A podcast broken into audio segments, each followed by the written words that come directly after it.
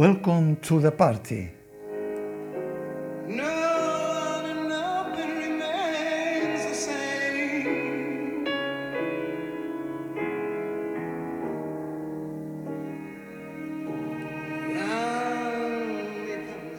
Doncs això, passeu, passeu i sigueu benvinguts a la festa, perquè on hi ha amor hi ha alegria, ni que sigui emmascarada per l'antifàs daurat de l'odi.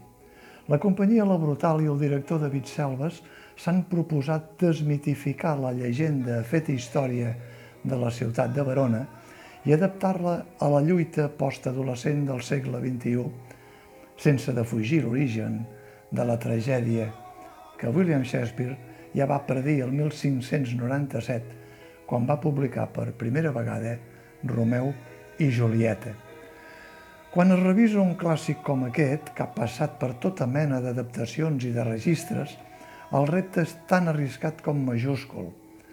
Com cal fer-ho per no caure en la simple imitació de les referències acumulades al llarg del temps?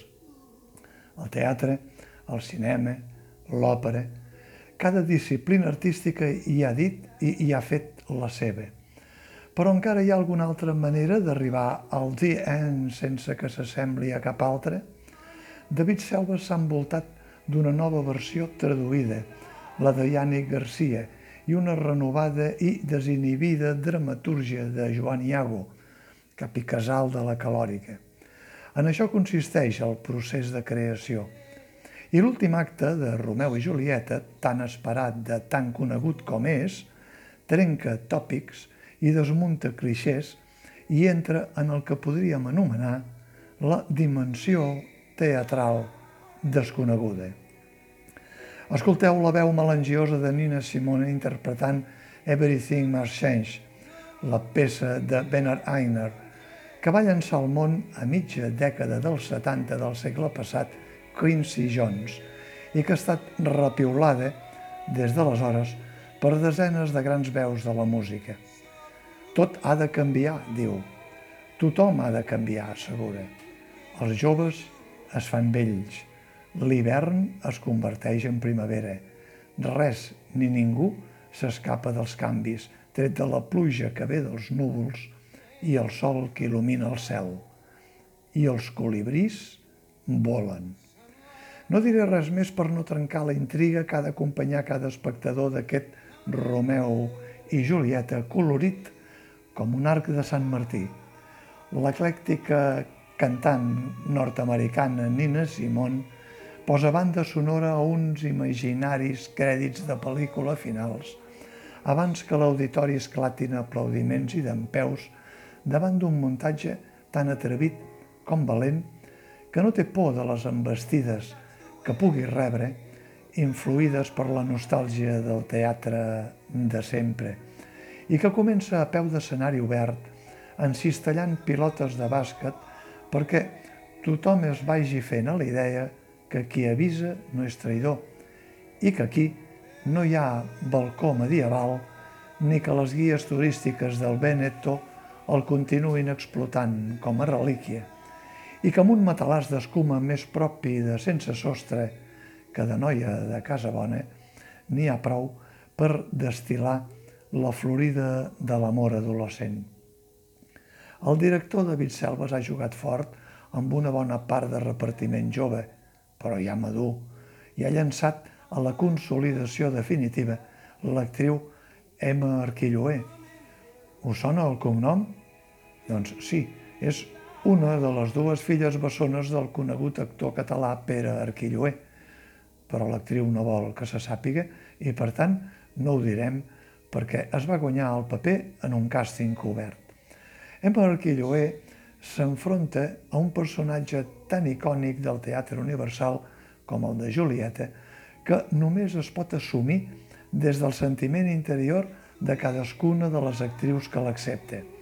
I així és com ho fa la nova Arquilloé, sense clonacions ni imitacions, amb fugides subtils de vers i amb delicades línies discursives que en cap moment s'escapen ni a l'oïda ni a l'entesa dels espectadors. Essencial. David Selves i el seu equip han defensat que Romeu i Julieta és sobretot una denúncia de l'ús de la violència per mantenir la posició de l'estructura del sistema dominant. L'amor mata, diu Romeu. L'odi uneix, reple.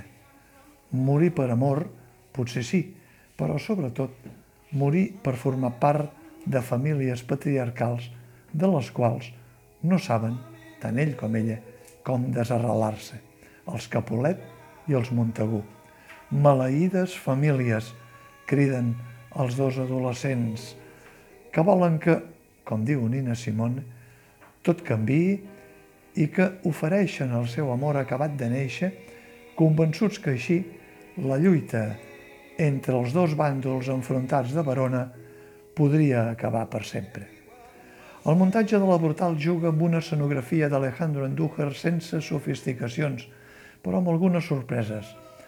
L'armari de roba de Julieta, que deixa de ser de roba per convertir-se en la vitrina dels ungüents de Fra Llorenç, la bola platejada de pista de ball, que podria ser la lluna, l'apartament reduït dels cosins, que té tota la pinta de pis d'estudiants, la immensa tomba de Julieta, segellada per un mur de marbre.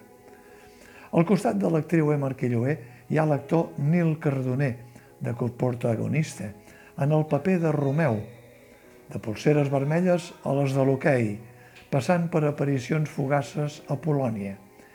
I de la colla de cosins trinxeraires, navalla en mà, hi ha Albert Baró, paper principal de Paris, i Adrián Grosser, el cosí Tibal, els dos van créixer a Cal Merlí, i Pau Escobar, que hi fa de l'amic Benvolio.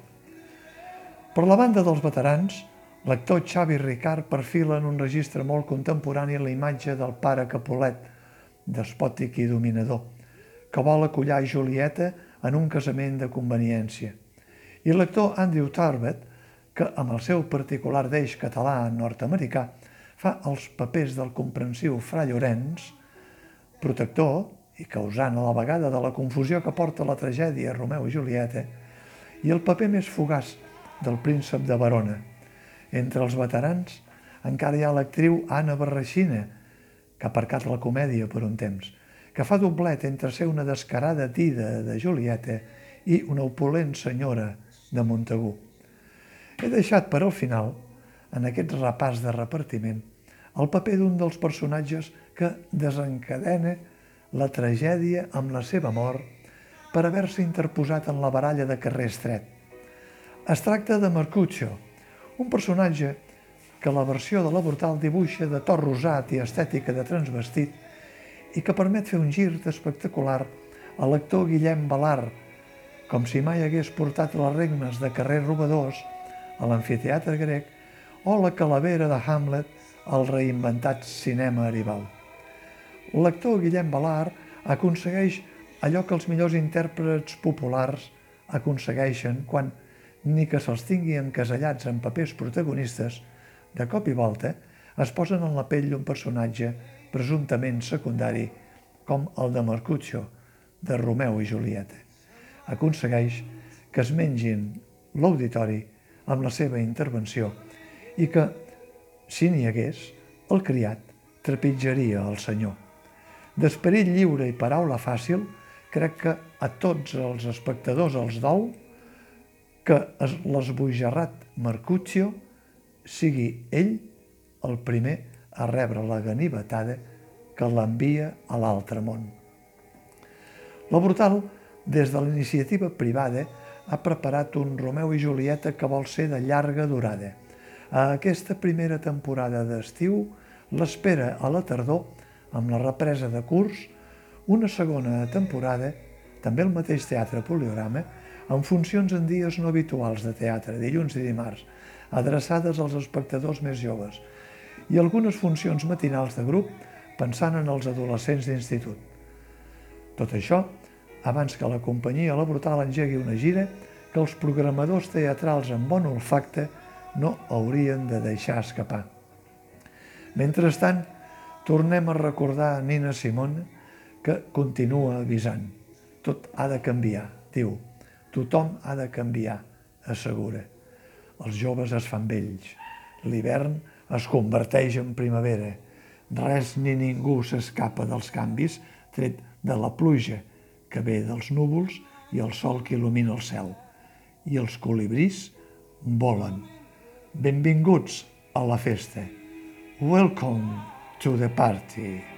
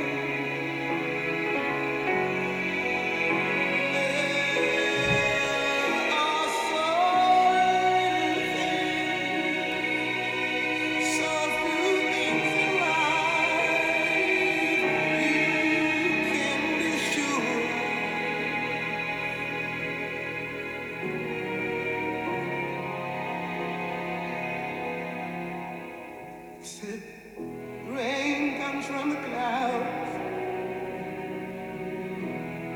sunlight from the